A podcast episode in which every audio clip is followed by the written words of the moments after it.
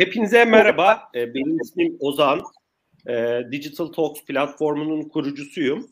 E, bugün Digital Talks İlkbahar e, 22 etkinliklerinin e, ilkine hoş geldiniz. Bugün iki farklı oturumda e, iki e, dört değerli konuğu ağırlayacağız. E, ve e, toplam sohbetimizin süresi de yaklaşık iki saat sürecek.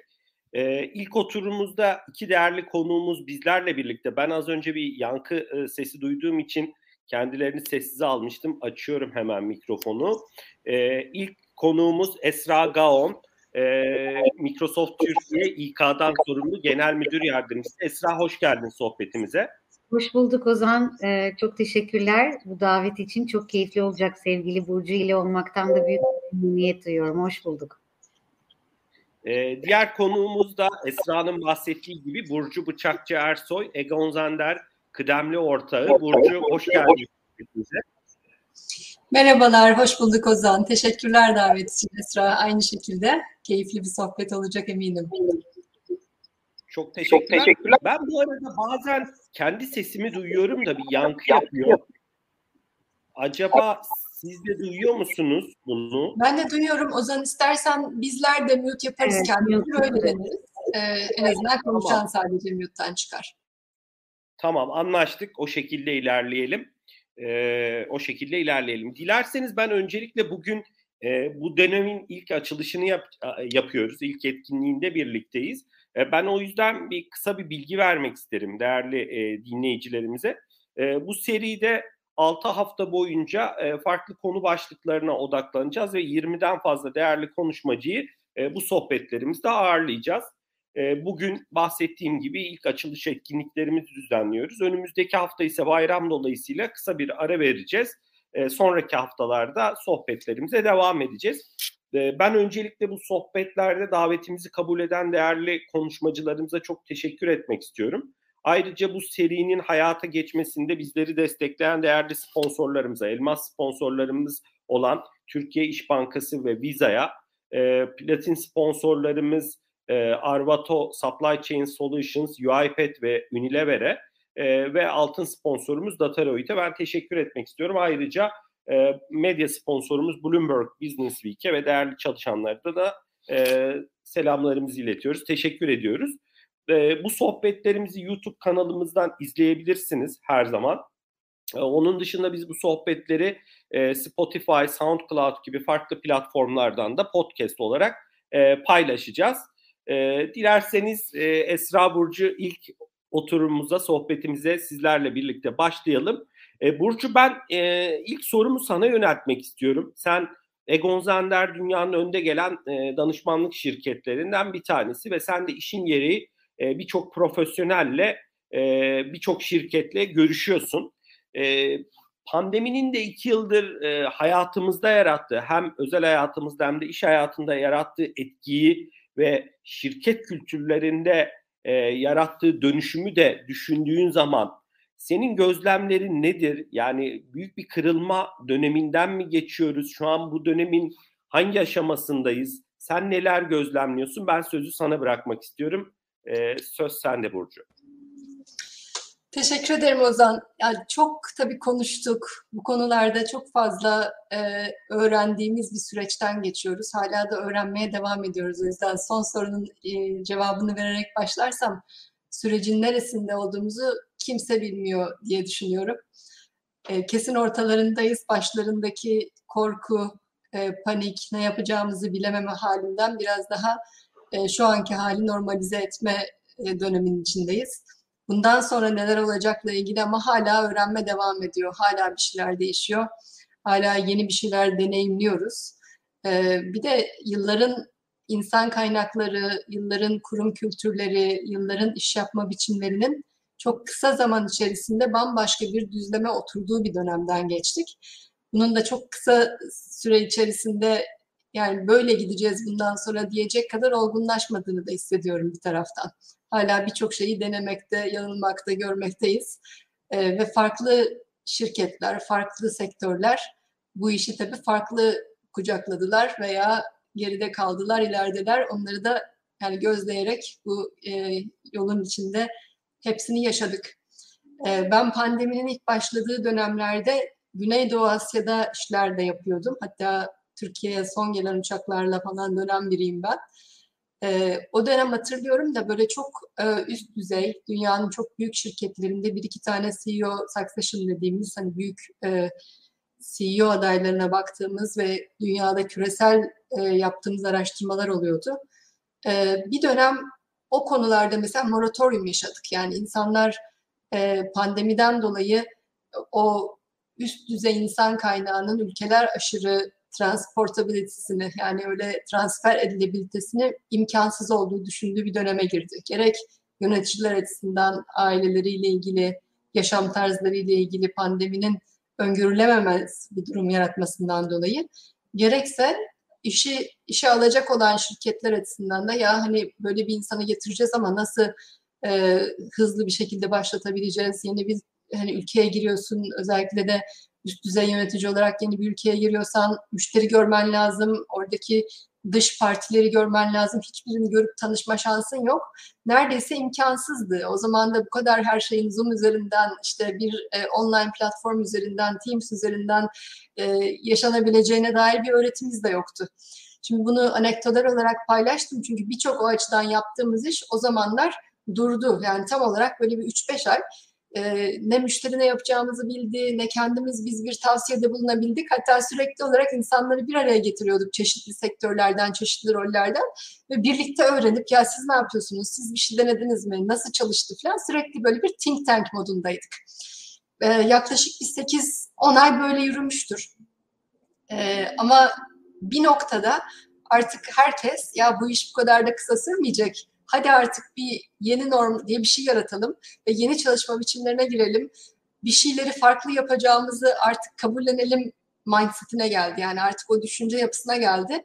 Ve o noktadan sonra artık bence inovasyon dediğimiz kısma geldik. Nasıl çalışılır, nasıl tekrar işe alımlar e, devreye girer, nasıl şirket kültürleri yarı e, online, yarı ofiste yaratılır. Hani bunlarla ilgili gerçekten insan kaynakları olduğu kadar tabii bütün çalışan kesimi çok kafa yordu. Geldiğimiz yerde ben çok başkalaşmış bir workspace görüyorum. Yani çalışma ortamı gerçekten çok başkalaştı.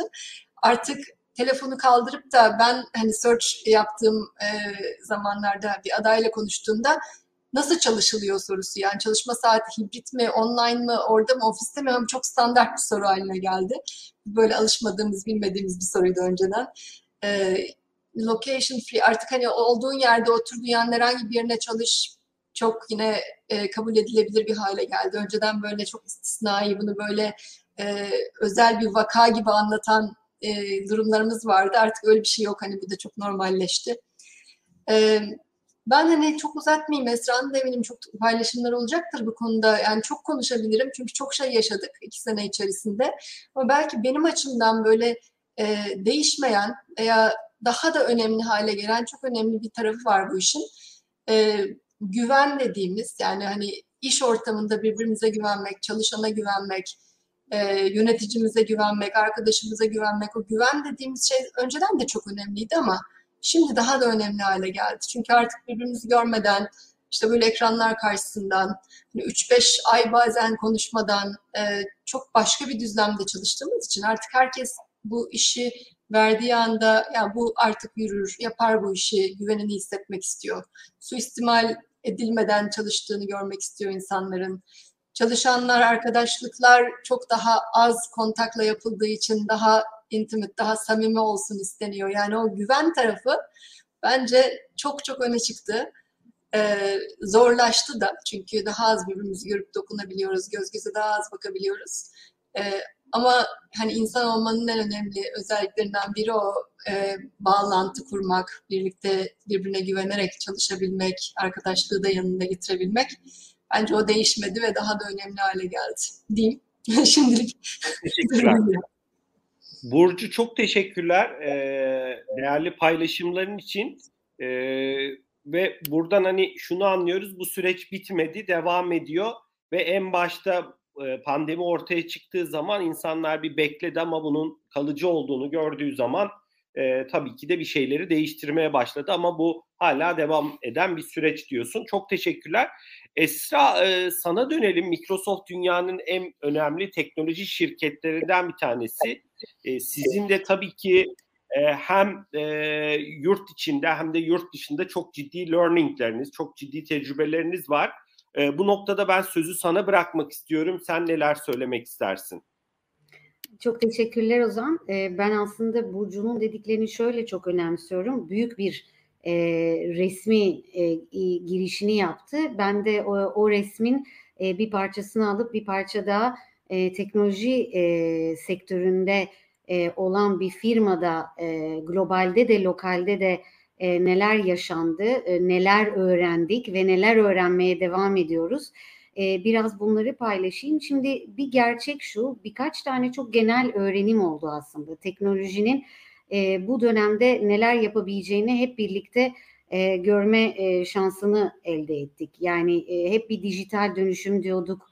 E, belirli işte yapay zeka, e, makine öğrenimi, e, farklı e, internet, e, Internet of Things, IoT gibi kavramlar e, hayatımıza girmişken bunların ne demek olduğunu adapte olarak görme e, sürecini çok kısa bir dönemde deneyimledik. Yani iki seneye yayabileceğimiz bir e, dijital dönüşümü aslında iki aya e, sırdırdık pandeminin ilk e, başladığı dönemlerde ve aslında birçok organizasyonun, birçok firmanın globalde veya lokalde sadece belirli fonksiyonları dijital dönüştürerek değil de şirket kültürüne kadar e, insan kaynakları ve finans dahil olmak üzere aslında tüm fonksiyonlarının dijital dönüşümünü sağlamak durumunda kaldığı bir e, dönem yaşadık geçtiğimiz iki sene boyunca. Şimdi ben e, çalışan bağlılığı e, noktasından ele alırsak e, sevgili Ozan hep şunu söylüyorum. Bir İK liderinin e, tamamıyla ajandası değişti.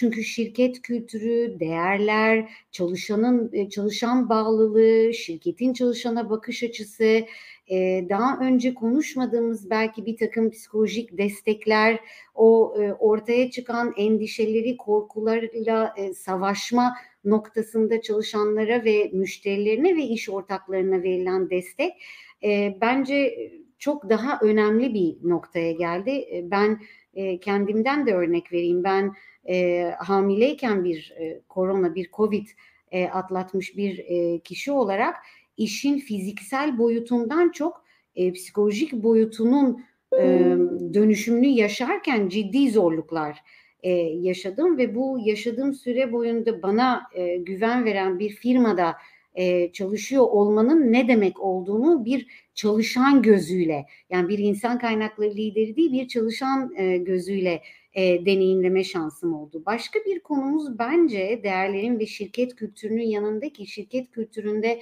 hep bizim global CEO'muz Satya Nadella'nın söylediği bir şey var. Artık ben duygusu diye bir şey kalmadı. Ben olgusu diye bir olgu yok. Liderliğin e, kodlarını yeniden e, yazıldığı, yönetime farklı bakıldığı, e, artık biz kavramının daha öne çıktığı bir e, süreden bir süreçten bahsediyoruz. Burada da aslında hep söylediğimiz bir şey Microsoft olarak e, her şeyi bilenden çok her şeyi öğrenmeye açık, her şeyi merak eden ve bu yolculuğun bir parçası olmayı tercih eden e, kişilerle çalışmayı arzu ediyoruz. Bir başka konu sevgili Burcu'nun da çok e, içinde olduğu bildiğim bir konu çeşitlilik ve kapsayıcılık. Yani aslında bu diversity ve inclusion dediğimiz ve herkesin kafasında bir mit olan böyle nedir bu? Hani sadece kadın erkek oranı mıdır? E, yoksa büyük daha büyük bir konu mudur dediğimiz nokta her algısı, her kavramı, her detayıyla hayatımıza çok e, başka bir şekilde değdi. Bir de bizi e, farklı e, bir takım aksiyonlar e, e, rah iten en önemli nokta artık kuşakların farklılaşması. Yani e, bugün e, organizasyonlarda bakıyoruz ki 3-4 kuşak hatta 5 kuşak e, bilmediğimiz kuşaklar aynı ortamda çalışıyor. Şimdi yeni kuşakların dijital yetkinliklerinin e, çok yüksek olduğunu görüyoruz.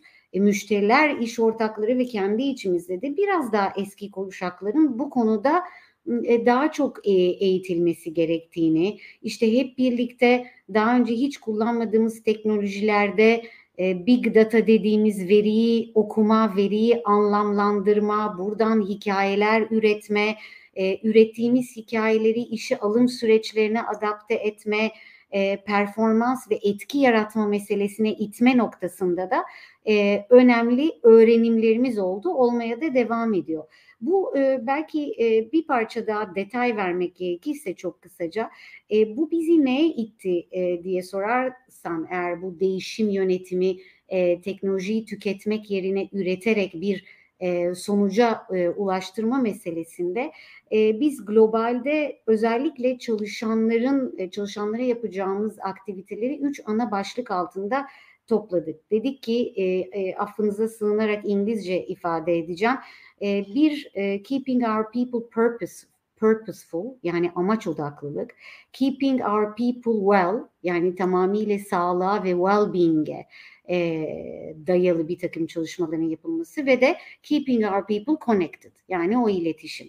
En büyük avantajımız bu süre boyunca e, tabii ki e, kullanmış olduğumuz teknolojilerdi ve altyapımızın hazır olmasıydı ama e, engelli çalışanlarımızı düşündüğümüzde e, ya da teknik çalışanlarımızı düşündüğümüzde evde de aynı e, konforu sağlayabilmeleri için bir takım ergonomik e, desteklerde e, bulunduk. E, müşteri tarafına baktığınız zaman e, teknolojik e, ürün isimleri söyleyip reklam yapmayayım ama bütün ürünlerimizi belirli bir süre ücretsiz olarak e, onlara açtık ki e, daha çok o iletişimi e, aktif olarak sağlayalım, sağlayabilelim diye.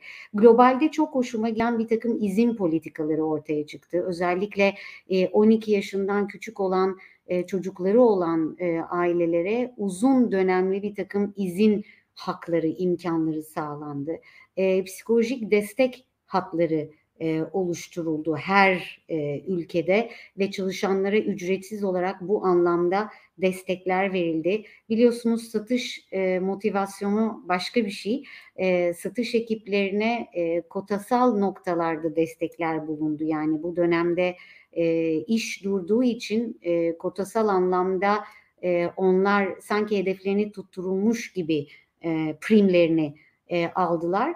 E, bunlar hep globaldeydi. Lokalde biz biraz daha e, birbirimizi tanımaya, birbirimizi anlamaya yönelik çalışmalar ra yöneldik sevgili Ozan ve Burcu. Orada da şunu yaptık. Çünkü bu dönemde e, Orta Doğu Afrika bölgesi olarak 600 yeni kişiyi sadece satış ve pazarlama tarafını aldık ki bir o kadar da e, teknik tarafa aldığımız insan var. Biz dedik ki Microsoft Türkiye olarak sanal teras adını verdiğimiz bir e, sohbetlerimiz olsun. Sanal teraslarda biz hiç iş konuşmayalım. Çünkü insanlar kendilerini sabah akşam kolların içinde buldu. Saat ve iş yaşam dengesi e, bunların hepsi ortadan kalktı. Sanal terasta dedik ki biz e, dijital platformlarda seyrettiğiniz filmlerden, okuduğunuz kitaplardan, e, dinlediğiniz haberlere kadar veya içimizde yetkinlikleri olan müzisyenler, teatral kapabiliteleri olan arkadaşlarımızla eğlenceli bir platform yaratalım. Bunlara bir platform daha ekleyelim. Cuma günleri öğleden sonra internal bütün toplantıları iptal edelim ve yerine sadece iyilik saati dediğimiz yoga, pilates, mindfulness gibi e, ulvi konularda işin uzmanlarını e, davet edelim ve ailelerimizle istersek birlikte e, işin uzmanlarını e, dinleyelim. Bir FitCal e, projesi gerçekleştirdik. E, Fitness Allowance kapsamında bir de e, maddi e, destekte bulunduk ve FitCal projesi kapsamında yine ekstra e, izin günleri ekledik. Sadece kişinin sağlığına uygun olarak. Son olarak da e, sosyal sorumluluk e, özellikle tabii bence Satya'nın getirdiği kültürel e, dönüşümün etkisiyle e, Microsoft'un olmazsa olmazlarından bir tanesi oldu. E, biz bu süre zarfında Giving Back adlı bir proje e, başlattık. Burada affına sığınarak isim vereceğim çünkü çok gurur duyarak Kızılay ve Ahbap'la özellikle çok ciddi çalışmalar yaptık. Maddi katkıda bulunmak, bulunmak isteyen çalışanlara bir portal üzerinden ne kadar katkıda bulunuyorlarsa şirkette o kadar aynı miktarda katkıda bulundu. E, ve sonunda da Haluk Levent'i bir toplantıya çağırdık. e, dedik ki e, neler öğrenebiliriz, nasıl katkıda bulunabiliriz, birlikte neler yapabiliriz. Kendisinin bilgisayar mühendisi olduğunu öğrendik. İş teklifi yaptım ama kabul etmedi. E, fakat bu tarz etkinliklerle de e, ne olduğumuzu hatırlayalım istedik. Yani kalbimize, ruhumuza, gönlümüze dokunan işi tamamıyla mekaniklik, mekanik e, ortamdan çıkarıp biraz bizi biz yapan değerleri e, hatırlayalım istedik. E, bu arada bence son olarak da şunu söyleyeyim. Bu devam eden bir süreç sevgili Burcu'nun da dediği gibi. Biz bunun adını hibrit paradoks koyduk. Yani bu hibrit paradoks biraz e, çeşitlilik, kapsayıcılık süreçlerini bile etkileyen yani aynı ortamda olan insanlarla uzaktan bağlanan insanı duygusal olarak nasıl bağlarsın? Nasıl aynı hissiyatı verirsin? Kimseyi dışlar mısın? Yani inclusion'ın karşısında exclude eder misin? E, o exclusion e, bir takım beyinsel, zihinsel, fiziksel sıkıntılara sebebiyet verir mi? Hiç konuşmadığımız e, konuları konuşmaya başlıyoruz. Müthiş bir öğrenim, e, bitmeyecek bir öğrenim. E, bakalım bizi neler bekliyor diye de heyecanla bekliyoruz. Esra çok teşekkürler değerli paylaşımlar için. Öncelikle geçmiş olsun. Ben hani ses yankı yaptığı için o an e, devreye girmek istemedim. Bu arada e, rahat olun. Hani Burcu da rahat olsun. Sen de dilediğiniz marka isimlerini, proje isimlerini kullanabilirsiniz. Hani bizim sohbetlerimizde hani öyle kısıtlar yok. O anlamda kendinizi rahat hissedin. O zaman satış şapkamı giyiyorum. Bütün teknolojileri söylüyorum. Teams'den başlayarak. Seni de Teams'e geçiriyorum. Pişman olacaksın o zaman. ee, çok çok yani bahsedebilirsin Esra. Rahat ol. Hani e, biz bizeyiz. E, çok geçmiş olsun da. E, bu arada sen tabii ki çok e, önemli noktalara değindin ki bunların aslında vaktimiz de var. İlerleyen dakikalarda daha da detaylandıracağız. Mesela şey ilginç bir nokta oldu hakikaten. E, inclusion, exclusion noktasında hani gözden ırak olan gönülden de ırak olur diye bir söz var. E, hakikaten de belki işinin büyük bir kısmını evinden yapan e, ya da remote yapan bir kişinin hakikaten şirkette alacağı e, promotionlar, ilerleme e, kabiliyetleri e, olmayana kıyasla daha mı şey olacak? Hakikaten dediğin gibi ilginç e, tartışma noktaları e, ortaya çıkıyor ve bu süreci takip etmek de e, içinde olmak da çok e, keyifli. Ben burada ikinize bir soru yöneltmek istiyorum. E, Burcu dilersen seninle başlayabiliriz. E, aslında Esra bayağı detaylı e, değindi. E, hani şirket e, e, Microsoft olarak hangi konuları önceliklendirdiklerini, nerelere e, yatırım yaptıklarını o anlamda hani İK perspektifinden ama biraz daha buraları açabiliriz bence. Yani senin gördüğün, e, danışmanlık yaptığın, görüştüğün farklı şirketler ve profesyoneller bu anlamda ne bekliyor? E, bu e, bu bu konularda ve önceliklendiriyor. Hangi konuları önceliklendiriyor? Ve nerelerde siz çatışma alanları görüyorsunuz? Yani Esra bu soru senin için de geçerli. E, sonuçta şirketlerin beklentileriyle çalışanların beklentileri ne kadar uyumlu, meç ediyor. E, ve biraz burada e, bir diğer noktada çalışanların yani Esra da Covid geçirmiş, geçmiş olsun ben de geçirdim. Bilmiyorum Burcu sen geçirdin mi ama çevremizde birçok insan çok güzel. Birçok insanın belki de hayata bakış açısı ve öncelikleri değişti bu sağlık beklentisi dolayısıyla. Doğal olarak biraz burada çalışan beklentisi e, ve en başta söylediğim çatışma alanları neler olarak görüyorsun? Ben sözü sana bırakmak istiyorum. Sonra da Esra'nın değerli yorumlarını alırız. Evet, şimdi ben Esra'yı dinlerken şunu hissettim. Ee, şanslı bir takım sektörel ayrımlar oluştu ve şanssız sektörel ayrımlar oluştu bu süreçte. Esra şanslı tarafta. Ee, şimdi teknoloji şirketleri sırf Microsoft'ta özel de değil, aslında teknoloji fonksiyonu da bütün şirketler nezdinde bu şanslı tarafta. Çünkü talep çok arttı. Herkes teknolojik bir şey yapmanın peşinde. Ee, online iş yapma biçimlerinin hibrit değişik düzenlerinin çıkartmak peşinde. Yani hepimiz görüyoruz ki teknoloji hem sektör olarak, kendisi sektör olarak hem de bütün konvansiyonel sektörlerdeki teknoloji fonksiyonlarının önemi e, yaptığı işler, kattığı değer inanılmaz arttı. Yani ben böyle bir şey görmedim. Ki teknolojiyle 20 küsur senedir çalışırım. Kendim de eski teknolojistim. Şimdi bunun talent bacağındayım.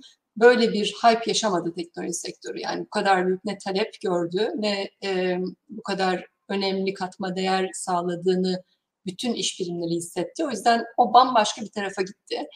E, ve çalışanların ne beklediği tarafında neredeyse bu bir hani sellers market o hani teknoloji çalışanlarının başka bir kampta incelenmesi gerektiğini düşünüyorum ben. Yani yaşadığım bu.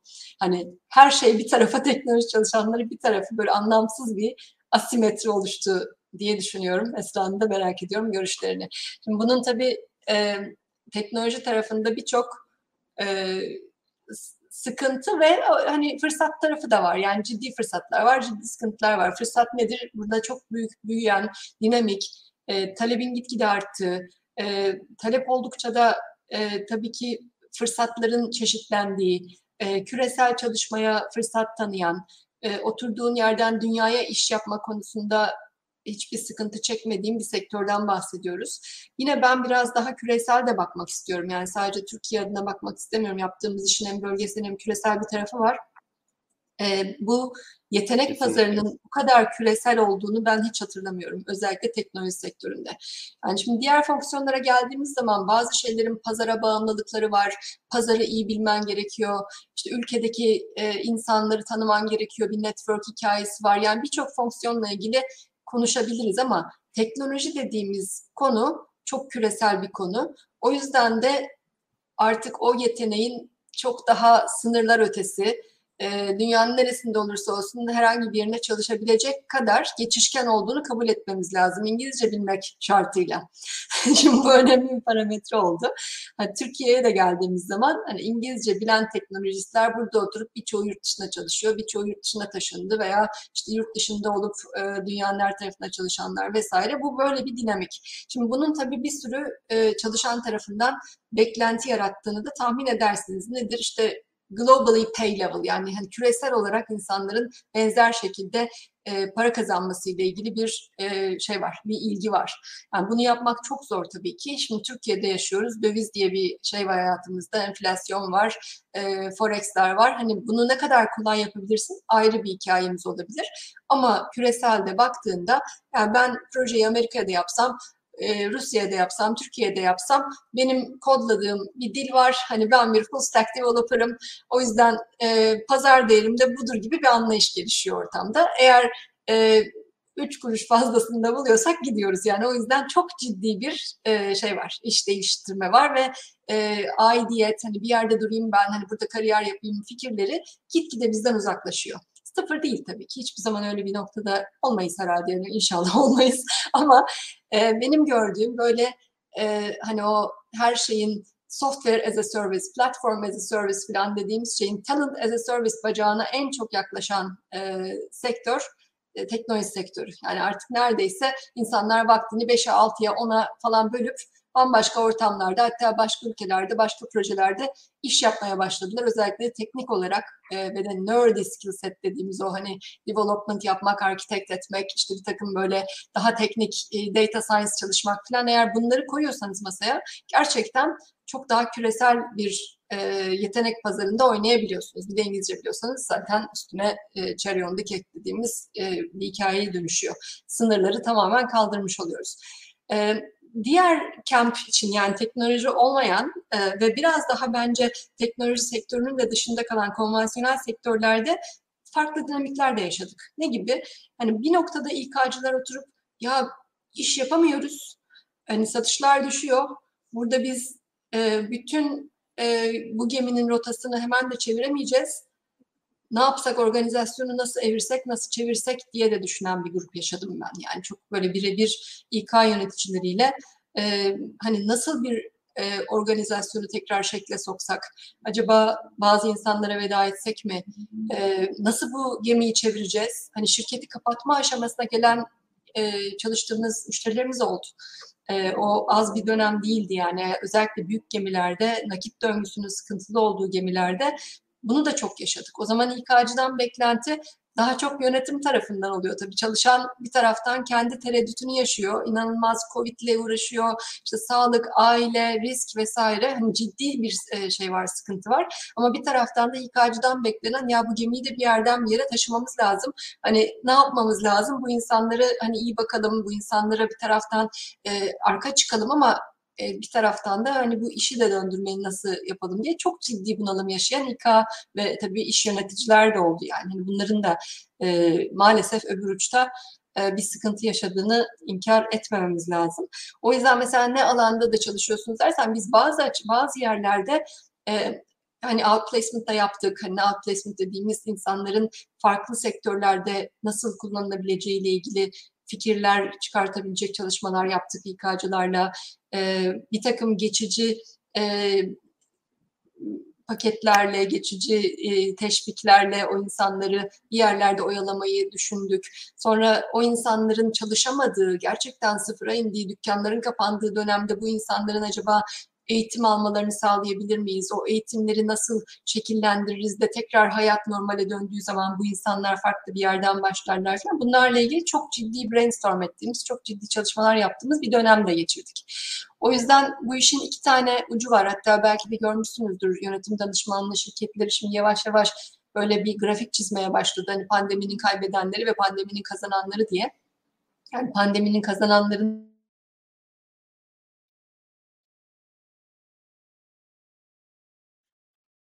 Burcu'nun bir sesi dondu galiba ama. Evet. Şimdi geliyor muydu?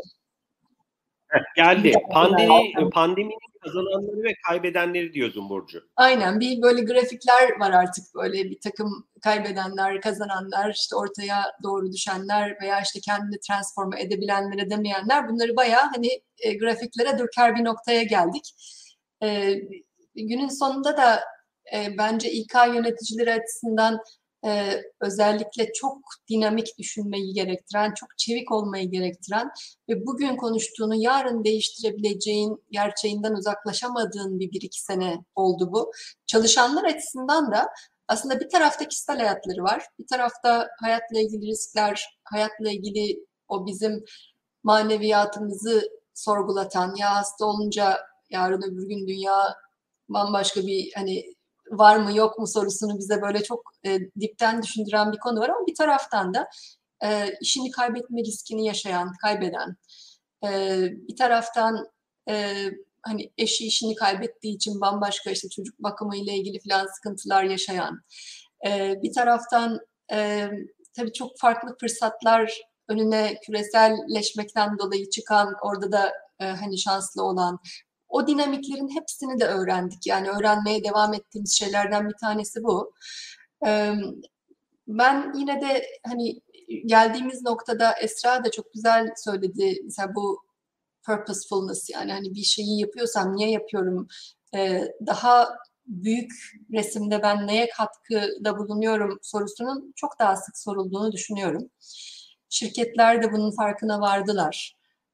Bununla ilgili hem genç kesim için hem de aslında hani eskiden beri de çalışanlar için e, bence daha e, yapıcı, daha içi dolu e, hikayeler çıkıyor. E, insanlar da hani bu aslında bence ekonomik e, hikayeye göre çok farklı yerlerde ama e, Great Resignation hikayesi var biliyorsunuz okuyorsunuz her yerde.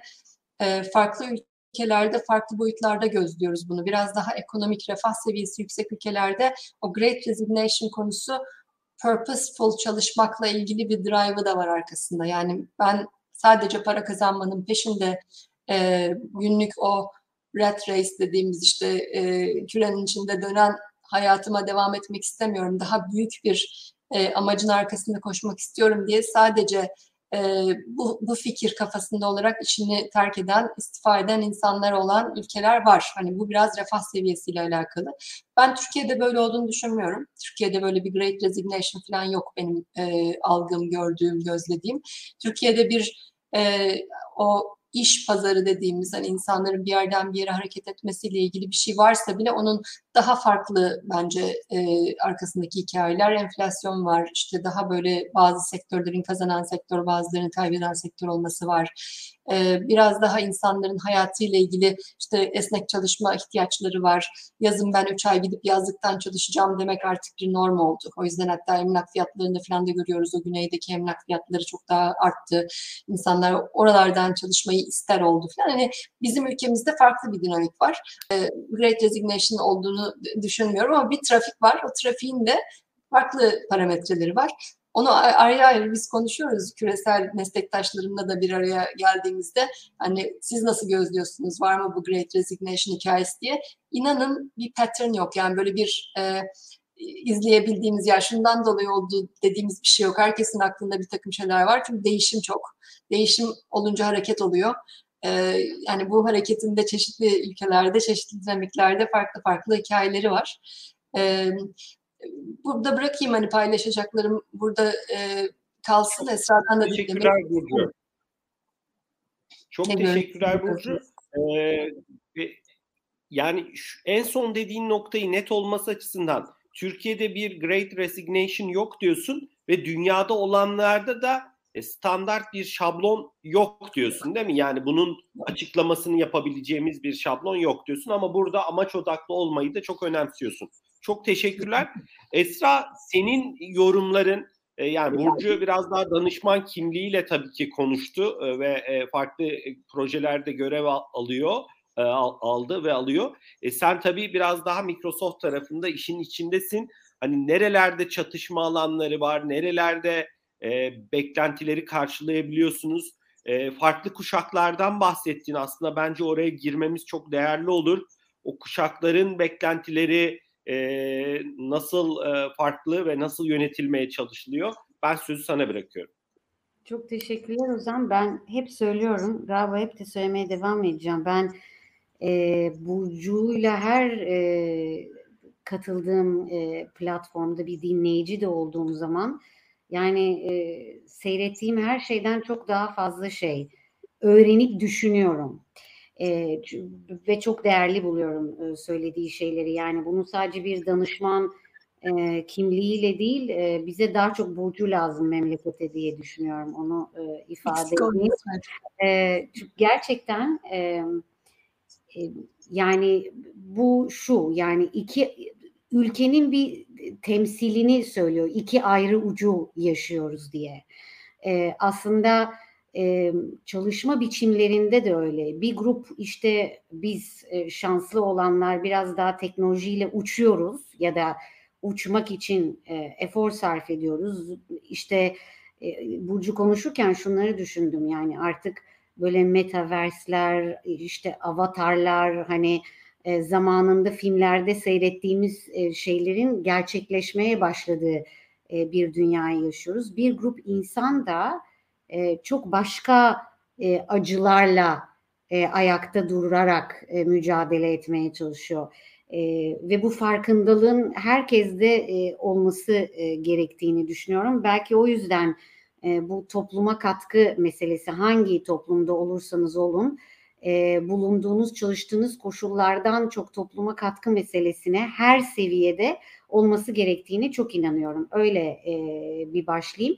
E, son dönemde e, böyle McKinsey gibi büyük firmaların yapmış olduğu raporlarda hep şunu görüyorum. E, senin sorduğun soruya da biraz öyle cevap vereceğim. Yani artık çalışanların çoğu e, remote çalışma meselesini çok doğallaştırdı ve yüzde 87 gibi bir oran en azından haftanın yarısını remote geçirmek istediğini ifade ediyor.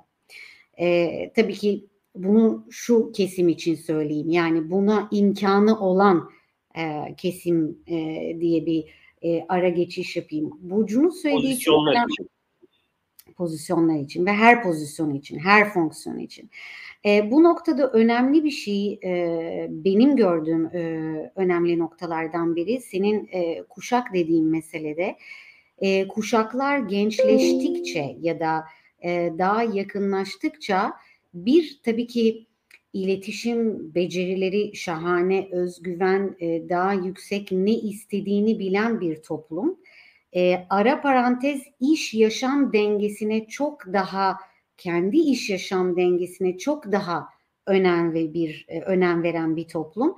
Bir de Burcu'nun dediğine ek olarak aidet duygusu da bizim kadar e, gelişmemiş demeyeyim ama bizim kadar yüksek olmayan bir kuşak yetişiyor.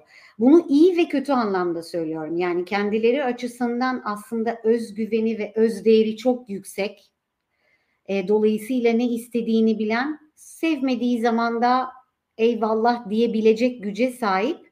Versus bizler biraz daha romantik, biraz daha aşkla çalıştığı ortama bağlı, e, saygıyla aman yanlış bir şey yapmayayım, aman kırmayayım e, diyen e, bir de e, kendim ayak ayaklarımın üzerinde durayım, başka şeyler yapayım, durabiliyorsam da etrafımdakilere yardım edeyim ya da e, burada kalayım ve mücadele edeyim ruhunu e, taşıyanlar. Bence bu beyin göçü oranlarını da çok etkiliyor. Yani e, Microsoft Türkiye e, organizasyonu 400 kişilik bir organizasyon. Çok büyük bir organizasyon değil.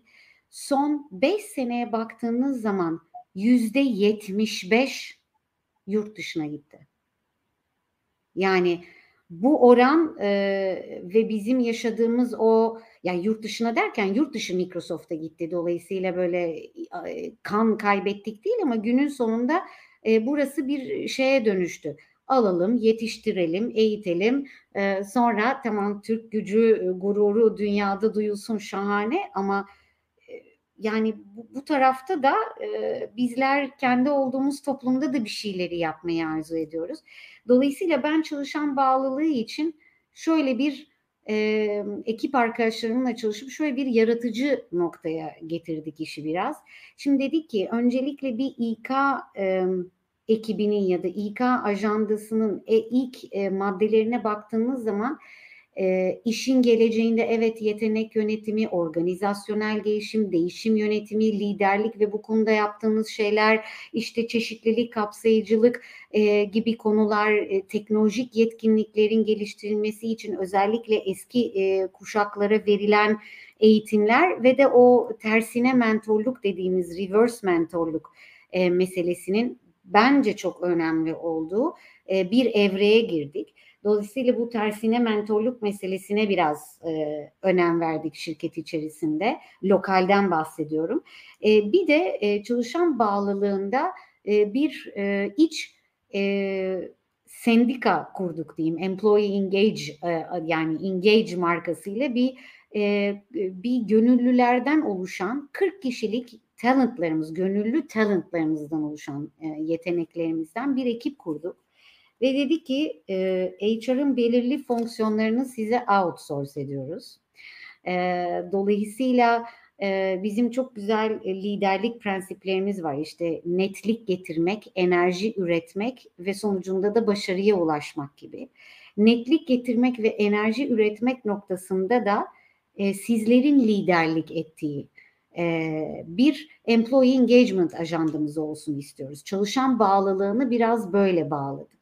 E, tabii ki ucuna maddi olmayan insentifler de koyduk. Yani recognition'lar, ödüller, kendi işleri dışında yaptıkları işler olduğu için executive liderlerle yurt dışındaki bir takım e, one to one toplantılar ama içinde hem sosyal sorumluluğun yer aldığı hem social club dediğimiz bütün sosyal aktivitelerimizi e, yöneten ve bunlarla ilgili bir sürü organizasyon yapan çalışan memnuniyet anketini sonuçlarını ölçen e, ve bu konuda e, bize bir takım inisiyatifler başlatan ayrıca hibrit çalışma modeline geçerken takım bazında agreement e, süreçlerini yöneten hem değerler e, işte e, cuma öğleden sonra toplantılar olmayacak gibi ama onu daha da e, dokunan bir hale getiren bir ekip.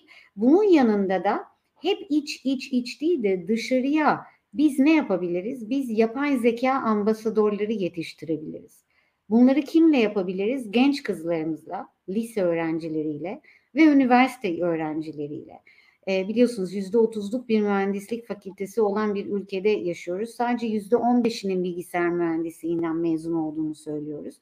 O yüzden dedik ki biz liseye inelim ve Girls AI diye bir e, Girls AI Hackathon diye bir hackathon başlattık.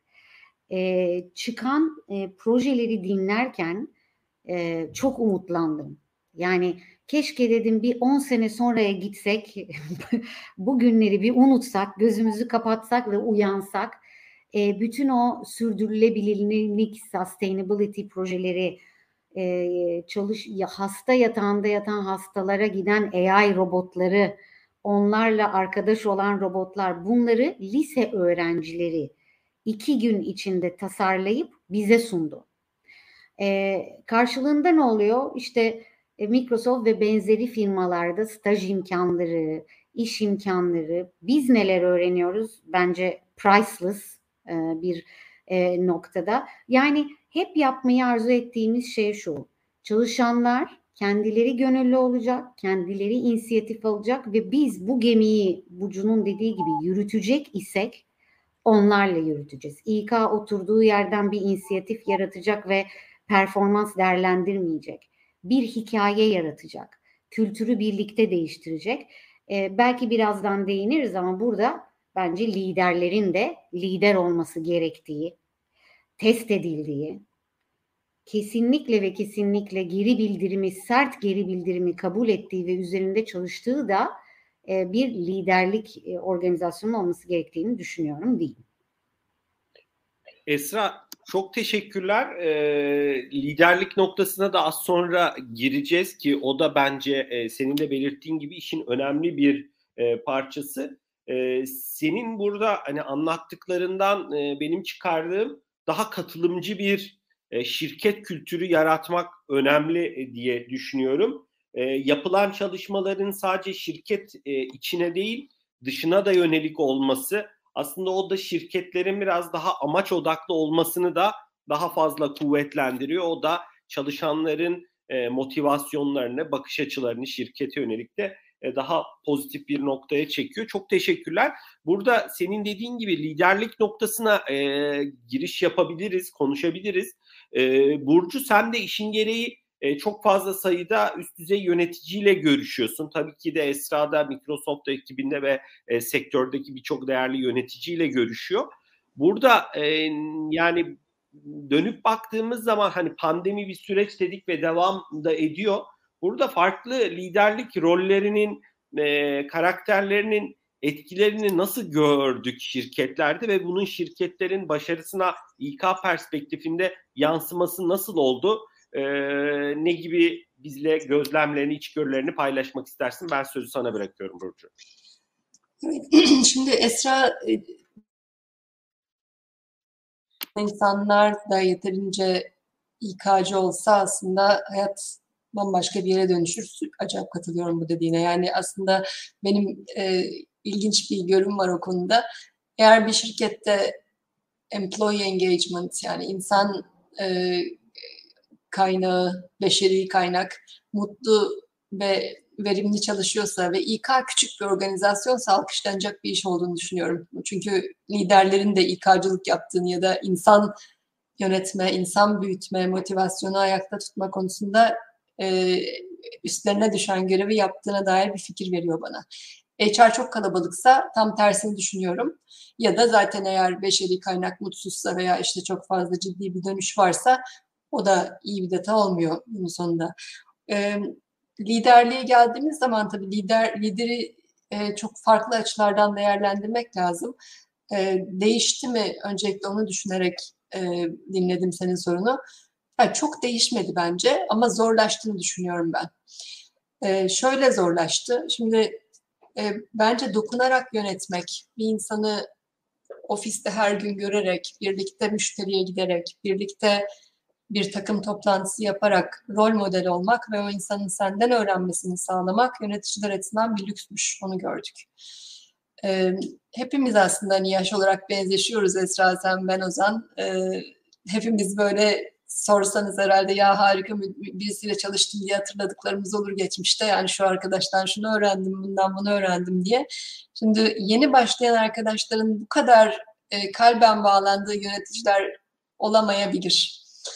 E, işe yeni başlayan insanlar iki senedir iki üç defa şirket eventi yapıldıysa hasbelkader bir araya geldi çalışanlarla, yöneticileriyle tanıştı, tanışmadı. Ama ekrandan yöneticilik yapmak inanın çok daha zor. Şimdi biz üst düzey, üst düzey yönetici e, değerlendirmesi yaparken bizim bildiğimiz yetkinlikler bazında mülakatlar yaparken insanlara bir takım anekdotal hikayelerini anlatmalarını istiyoruz. İşte sen nasıl takım yönetirsin ya da işte sen e, en son takımla e, şöyle bir şey yaşadın mı bir örnek ver gibi bir takım sorularımız var.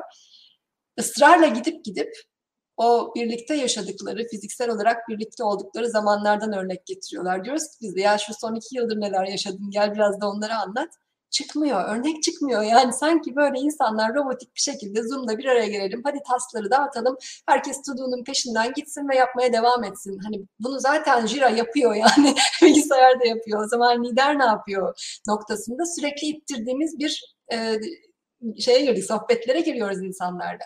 Çünkü ekran izler üzerinden liderlik yapmak için o Esra'nın bahsettiği işte teraslar yapman gerekiyor, birlikte eğlenmen gerekiyor, şakalaşman gerekiyor. İnsanların kendi olarak ekranda var olmasını sağlamak, fiziksel olarak kendi var olmasını sağlamaktan on kat daha zor ki zaten insanlar fiziksel olarak bile işte kendine güvendir, toplulukta e, konuşmaktır, prezentasyondur.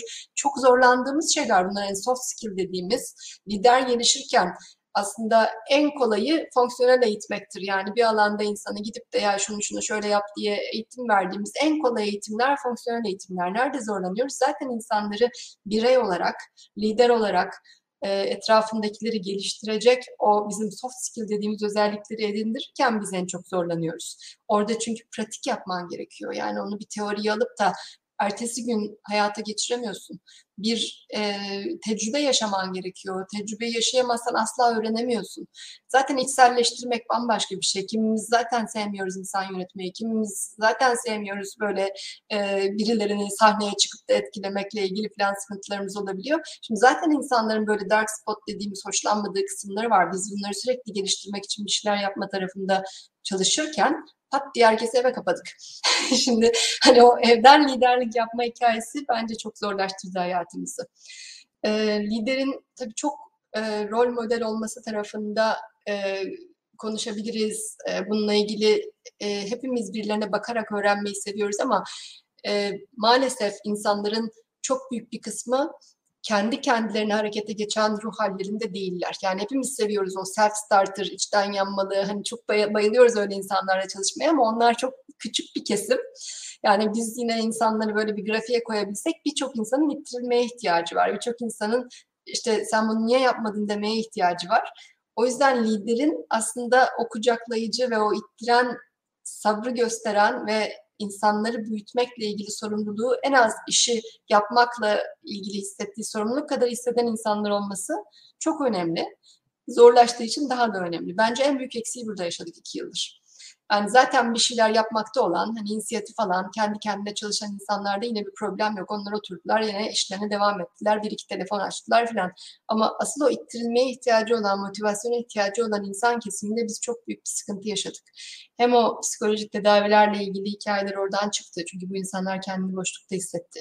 E zaten ittirmeyince iyice artık performansları aşağı düştü. E, Bunların yöneticileri bunlardan hoşlanmamaya başladı, iş çıkmıyor. Hani bunlarla ilgili zaten o yöneticiler hani bunu zul kabul ediyorlardı, beş beter zul oldu. Hani baktığında o yüzden liderliğin insan tarafı çok zorlaştı ekran karşısından çalıştığımız bu dönemde. Liderliğin özellikle e, hani bizlerin e, hayatımızı yönetme, zaman yönetimi, işte öncelik yönetimi falan gibi konuları e, yüzeyde kolaylaşmış gibi görünüyor. Derine baktığımızda ben kolaylaştığını düşünmüyorum. Derine baktığımızda o yani yaşam dengesi, kendimize vakit ayıramamak, e, işte ne bileyim iki tane kahvaltıya ya da yemeğe gidip insanlarla göz göze bakıp gülememek bunlar uzun dönemde bize maalesef sıkıntılar olarak geri dönecek bence. Hani kısa dönemde sanki İstanbul'da trafik çekmiyoruz o yüzden daha rahat vaktimizi yönetiyoruz diye bir şey geliyor ama öyle bir e, dünya aslında hepimiz daha çok yordu e, dışarı çıkıp tekrardan işte son 6-8 aydır ben daha çok dışarıda vakit geçiriyorum şimdi. E, daha iyi bir dengem var. Yani daha az yoruluyorum, daha e, mutluyum, daha neşeliyim. Hani eminim bunu çok insan yaşıyordur ki ben dünyanın en büyük ekstravertü değilim. Yani dışa dönük insanlar için tahmin bile edemiyorum. E, yani bir kısım içe dönükler için yine çok istisna bir kesim için cennet oldu ama o, o yine çok küçük bir kesim. O yüzden liderlere düş, düşen iş e, değişmedi Ama zorlaştı benim hani vereceğim mesajı. Çok teşekkürler Burcu. Bu arada 5-6 dakikamız var. Yani onu da belirteyim ben. Arka tarafta e, Neslihan Yalçın'la Cem Sezgin'i de görüyorum. Hatta sohbetin sonuna doğru onları da bir eklerim. Siz de bir selamlaşırsınız. Ee, Esra sana dönelim. Senin bu noktadaki yorumların, paylaşımların ne olur? Kısaca alabiliriz. Sonrasında da hani son ikinizin de belki çok kısa eklemelerini alıp e, bu keyifli öğretici sohbeti birlikte sonlandırırız. Esra sözü sana bırakıyorum. Çok teşekkürler Ozan. Ben de çok kısa ekleyeyim. E, Burcu'nun dediklerine ben de liderlerin müthiş bir e, değişimden geçtiğini düşünmeyenlerdenim. Ama e, sistem sistemin içinde bu, bu, bulunduğumuz durumun onları e, daha çok force ettiğini e, düşünüyorum. Hatta işte yapılan e, anketlerde de hep liderlere sorulduğunda işte yüzde yetmiş biri biz artık bu esnek çalışma modelini uygulayalım diye baskı altındayız gibi açıklamalar yapıyorlar. ben çok kısa bir özet vereceğim burada. bence niye liderliğin kodların yeniden yazılıyor dedik? Çünkü Satya çok güzel bir şey söyledi. Care is the new currency. Yani hep bir böyle e, başka başka e, konular e, konuşurken artık bu pandemi ve sonrası e, dönem kişiye göre e, durumsal liderlik göstermek durumunda kaldığınız, e, işte ilginin doğru etkinin, doğru coaching e, tekniklerinin daha çok devreye girmesi e, gerektiği bir e, dönem e, haline geldi diye düşünüyorum. E, ve bu biraz e, tabii e, kişisel bir yolculuk yani ne kadar eğitim verirseniz verin e, bir yerden sonra kişi e, dönüşmeye hazır değilse e, sistem orada durabiliyor. Dolayısıyla bence biz şu anda o sürecin içerisindeyiz. Yani kimleri dönüştürüp değiştirme yolculuğuna katkıda bulunabiliyoruz. E, bizler İK yöneticileri ve danışmanlar olarak belki e, koçluk konusunda destek oluyoruz.